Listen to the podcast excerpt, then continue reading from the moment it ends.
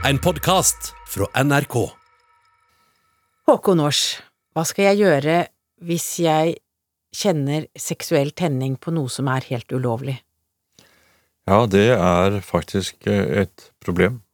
Fordi eh, jeg har klienter som kommer til meg og forteller at de gjør det. Jeg kan jo for eksempel Altså, det vi, det vi snakker om nå, Hege, det er vel egentlig at uh, samfunnet har satt opp både kulturelle og, og, grenser, og ikke minst i forhold til seksualitet, hva som er lov og hva som ikke er lov. Vi, vi, det er en del grenser vi må respektere. Vi, det er veldig viktig å vite at uh, man må ikke gjøre noe i forhold til barn. Eh, barn er ikke utviklet til å kunne ut, altså ha seksualitet i forhold til en voksen person. Så der har vi klare grenser. Vi har klare grenser i forhold til at vi kan ikke faktisk ha sex med dyr.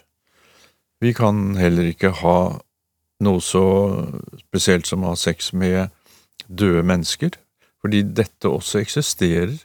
Og dette er jo veldig vanskelige og ømtålige temaer. og Heldigvis er det ganske sjeldent, men det er faktisk at noen tenner på sånne ting. For eksempel så er det disse som tenner på å gå ut på et eller annet, en offentlig park og stille seg bak en busk og så løpe frem når det kommer en ung jente forbi, og løpe frem splitter naken og blotte seg. Det er heller ikke lov. Så det er ting som faktisk eh, rettsstaten sier at det og det er lov, og det og det er ikke lov.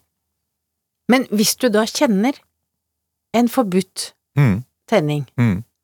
Hva gjør du da? Altså, jeg vil jo tro du blir veldig skamfull. Ja, du blir skamfull, og du lever med en, en erotisk tenning som gjør deg veldig skamfull, og som gjør faktisk at en del av disse oppsøker meg, da, og andre som er terapeuter og som har jobbet dette feltet. Eh, jeg har jo jobbet mye med Eh, med mennesker, ikke minst eh, jenter, men også gutter, kvinner og menn, som har vært utsatt for seksuelle overgrep, som absolutt er ulovlig, brutt noen grenser. og jeg har jobbet med mennesker som tror at de tenner på sex med dyr. Jeg eh, For eksempel så var det en dame som kom til meg for ikke lenge siden, som sa at hun tente på på sex, å tenke på sex med hester. Og, da, og hun syntes jo dette var utrolig skamfullt og utrolig merkelig. Og hun levde selv i et parforhold, men hun bare hadde disse fantasiene. Hun prøvde jeg å Vi snakket lenge om dette her, og jeg fant jo ut at det, det var ikke noe egentlig spesielt med hennes tenning, fordi hun faktisk syntes at det var spennende. Altså, jeg trakk den parallellen til at mange mennesker I gamle dager i hvert fall, så var det sånn hesteslepp. Hørte du om det? Så ja, jeg har vært på hestesløp, jeg. ja. ja. da, i Kvitdalen. Ja. ja, ikke sant? Og der mm. står det masse mennesker og ser på at uh, hingsten parer seg med hoppa, og det er mye rart som kjennes underlig på folk som står rundt. ja, men, ja, men det er jo det. Er, det og det er jo vår, og det er jo sånn uh, hingsten som slippes løs. Ja. og ser denne kjempepenis, hingstepenisen trenge inn i hoppa. og det er helt klart at mange syns at dette er veldig spennende å se på, men som jeg sa til denne damen som kom til meg, at det er jo stor forskjell på det å se på og bli tent på det, enn å skulle ønske å være en del av det. Og da fant vi ut at nei, hun var ikke den som tente altså hun, Det var ikke det hun ønsket, hun bare hadde masse fantasier, og da er jeg tilbake til det at vi, våre fantasier, altså hva som skjer inni våre egne hoder av fantasier, det kan jo være helt utrolige ting. Og som Sigmund Freud sa, at vår fantasi, det er vår eventyrverden, den, er, den kan vi ha helt for oss selv, det er ingen som men det er når vi setter ut i praksis, hvor plutselig blir grenser, ikke sant. Man kan jo ha fantasier om masse rart. Ja, og det er, der, det er jo der, du kommer inn, da, mm. som eh, sexolog og psykiater. Mm. Altså, du begynner å fantasere, du begynner å tenke på noe, og så kjenner du at du blir, eh, får seksuell tenning. Mm. Og så er det på en måte sånn Jeg vil jo tro at mange begynner å lure på er, jeg, er det noe gærent med meg. Ja, ikke sant. Det er det de gjør. Ja. Og de fleste av de som kommer til meg og lurer på det, så klarer vi å liksom redegjøre og finne ut at det er faktisk ikke det.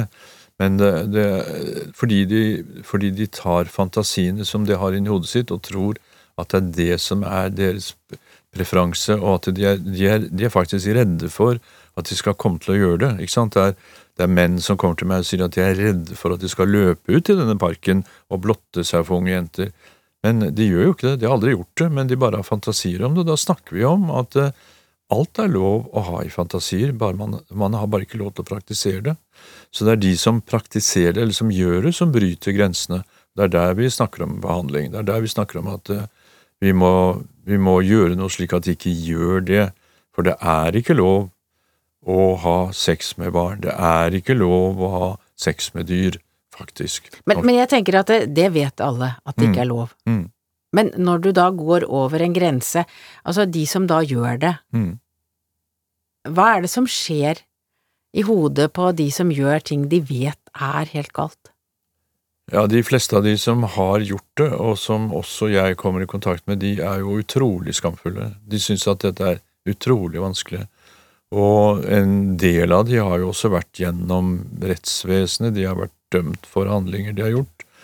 Og de ønsker ikke å ha disse tankene eller seksuelle preferansene, så de ønsker å bli kvitt det. Så det som skjer, i hvert fall de som kommer til meg, de, de, de ønsker å, å, å, få dette bort og bli kvitt det. Og det er en vanskelig jobb, men eh, vi lykkes med veldig mange, at de får et normalt sexliv.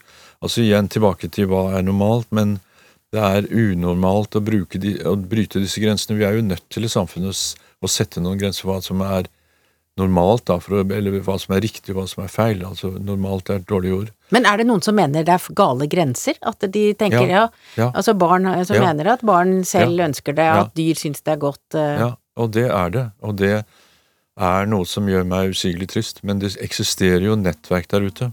Og det er jo dette som politiet jobber med. at uh, det er folk der ute som, eh, som bryter disse grensene, og som eh, faktisk eh, blir Ja, de, de blir jo straffet, da. Ja, så det er, det er det, og det er og det er klart at det, det er jo utilgivelig å ha seks meter mindreårige mindreårig barn, og.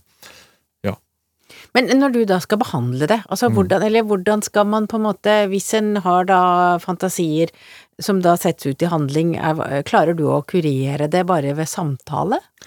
Det er jo det som er mitt verktøy. Eh, og altså, det er en, i mange tilfeller en kjempelangvarig og veldig vanskelig prosess. Men, og jeg kan jo ikke skryte av at jeg har klart å hjelpe alle, men det er i hvert fall en god del jeg har klart å hjelpe i forhold til dette. Og som jeg får de til å gå gjerne tilbake til barndommen, som jo selvfølgelig gjør vi med i psykiatrien, men det er jo dette med å kunne samtale om, og ikke minst å snakke om skammen, snakke om kanskje ting som har skjedd i barndommen som har gjort at eh, de har fått et tenningsmønster som blir helt feil. Altså Som barn så er det ingen som har lært dem hva som er riktig og feil, og så vokser de opp, og så kan, De vet jo selvfølgelig, de fleste av dem, at dette er feil, men de, de, de har gått inn i et mønster fra tidlig av og da må vi på en måte avmønstre dem, da, og få de til å få et mer riktig seksuelt tenningsmønster. Og det går an. Det er klart det er mange ganger. Mm. Mm -hmm. Så hvis det er noen der ute som hører på, som, eh, som kjenner seg litt holdt på å si truffet av dette her, eller som kjenner seg igjen på det, så er det jo viktig å ta kontakt og få hjelp. Handler det om mange? Ikke mange, men det handler om en del. Og det handler nok om en god del som vi aldri får kontakt med, fordi det er så utrolig skamfullt. Og mange av dem går jo inn i svære depresjoner og ensomhet fordi de føler at jeg er helt annerledes enn alle andre, og jeg kan ikke leve normalt med en normal partner, så mange blir alene og isolerer seg, og dessverre så har vi sett mange som da går inn i så svære depresjoner at de tar livet av seg, faktisk, ja. Men i dag så finner du jo en gruppe for det meste på ja. internett, mm. og man finner jo likesinnede der. Ja, og det, og det finnes dessverre også likesinnede på sånne ulovlige nettverk, da. Og det er jo dette som også politiet jobber med, som prøver å bryte inn i disse nettverkene, og det er jo det triste er jo at det er en del mennesker der ute som, som, tror at de har rett til å gjøre dette her. Det finnes jo nettverk av menn og kvinner som, som, som uh, for, altså forbryter seg mot barn, da. Og det kommer stadig opp saker i media som viser det, og hvor de da faktisk nesten ikke angrer. De mener at de har rett til det. De snakker om at eh, at disse barna har lyst til det og sånn, så det er mye vi er nødt til å jobbe med. Så internett kan på en måte legitimere Ja. det Ja. som er, i utgangspunktet er Ja. ulovlig. Dessverre. Det gjør det. Mm. Men hvis noen hører på, altså, og kjenner at eh, de føler dragning mot ting de overhodet ikke burde dras mot, er det fantasi, ja, så er det meste lov. Men eh, får du lyst til å praktisere også, så må du eh, besøke doktor Rås. Ja, Eller, Eller andre kolleger eller andre som Ja. driver med det samme, Ja. for, det, for det fins metoder. Det fins hjelp, absolutt, der ute. Og det er viktig å kunne leve et fullverdig og godt seksualliv, leve et fullverdig og godt liv med seg selv, og føle at det man gjør er riktig. Og det, og det er jo mye som tidligere man trodde var ikke riktig og galt, som det, det, dette vi kaller for fetisjer og SM6, men det har vi jo snakket om allerede. Og det er greit. Det er greit. Men der, hvis du trenger hjelp til å sortere, Ja, Så kontakt oss. Du har hørt en podkast fra NRK. Hør flere podkaster og din favorittkanal i appen NRK Radio.